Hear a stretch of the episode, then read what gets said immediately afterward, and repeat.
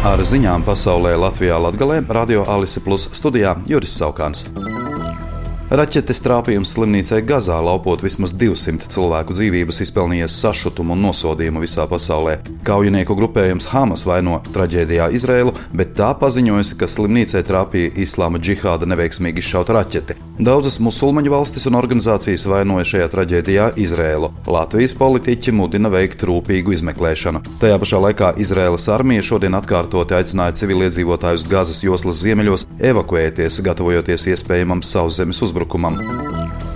The Washington Post raksta, ka Amerikas Savienotās valstis sūtīs uz Izraēlas piekrasti desantu ar vairāk nekā 4000 jūrnieku un jūras kainieku, kas būs dislocēti uz kara kuģiem gadījumam, ja notiktu bruņotā konflikta eskalācija.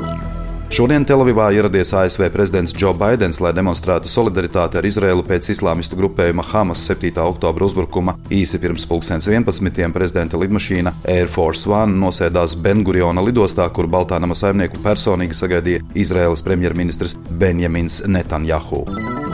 The Wall Street Journal un citi rietumu mediji vakar apstiprināja, ka Savienotās valstis pēdējo dienu laikā slepeni piegādājušas Ukrainai atakemes raķetes ar 165 km darbības radiusu. Ukrainas armija tās jau ir izmantojusi, lai uzbruktu lidlaukiem Krievijas okupētajā Berģanskā un Luhanskā. Analītiķi uzskata, ka ASV visticamāk nodeva šos ieročus Ukrainai slepeni, lai nodrošinātu pārsteiguma momentu, un vispārējais satricinājums Krievijas informatīvajā telpā liecina, ka Ukraina panākusi vēlamo efektu. Iespējamā Krievijas lidmašīnu izkliedēšana pa lidlaukiem visā okupētajā teritorijā un pārvietošana tālāk no frontes apgrūtinās Krievijas aviācijas atbalstu gan aizsardzības, gan vietējām uzbrukuma operācijām.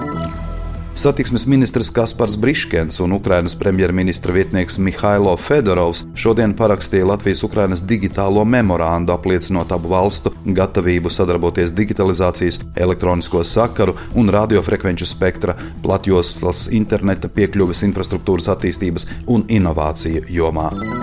Izglītības un zinātnes ministrija piedāvās pāriet uz jaunu skolu finansēšanas modeli, kurā būs skaidri definēta pedagoga alga, lai izbeigtu līdz šim pieredzēto bumbiņas mētāšanu starp pašvaldībām un valsti. Izglītības un zinātnes ministre Anna Čakša no jaunās vienotības pauda, ka šajā piedāvājumā būtu skaidri definēta skolotāju alga un pedagogiem nevarētu maksāt citu summu. Manā skatījumā skolotāja algai ir jābūt 2500 eiro. Trīs gadu laikā tas ir jāsasniedz, un to caur šo programmu finansējumu mēs precīzi ieliekam iekšā, klāstīja Čakša.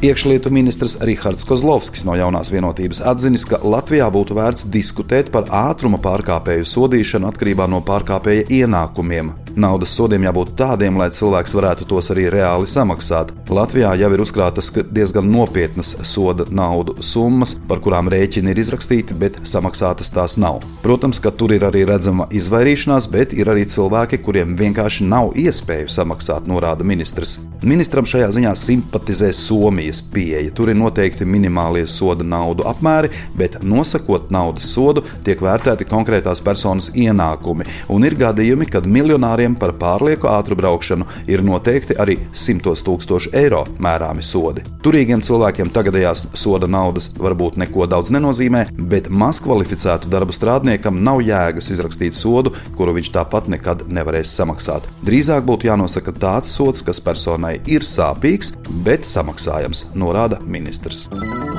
Ar ziņām studijā bija Juris Saukāns par ziņu raidījumu Ziņas bez robežām pasaulē Latvijā atgalēs saturu atbild SIA Alise Plus. Projektu finansē Mediju atbalsta fonds no Latvijas valsts budžeta līdzekļiem.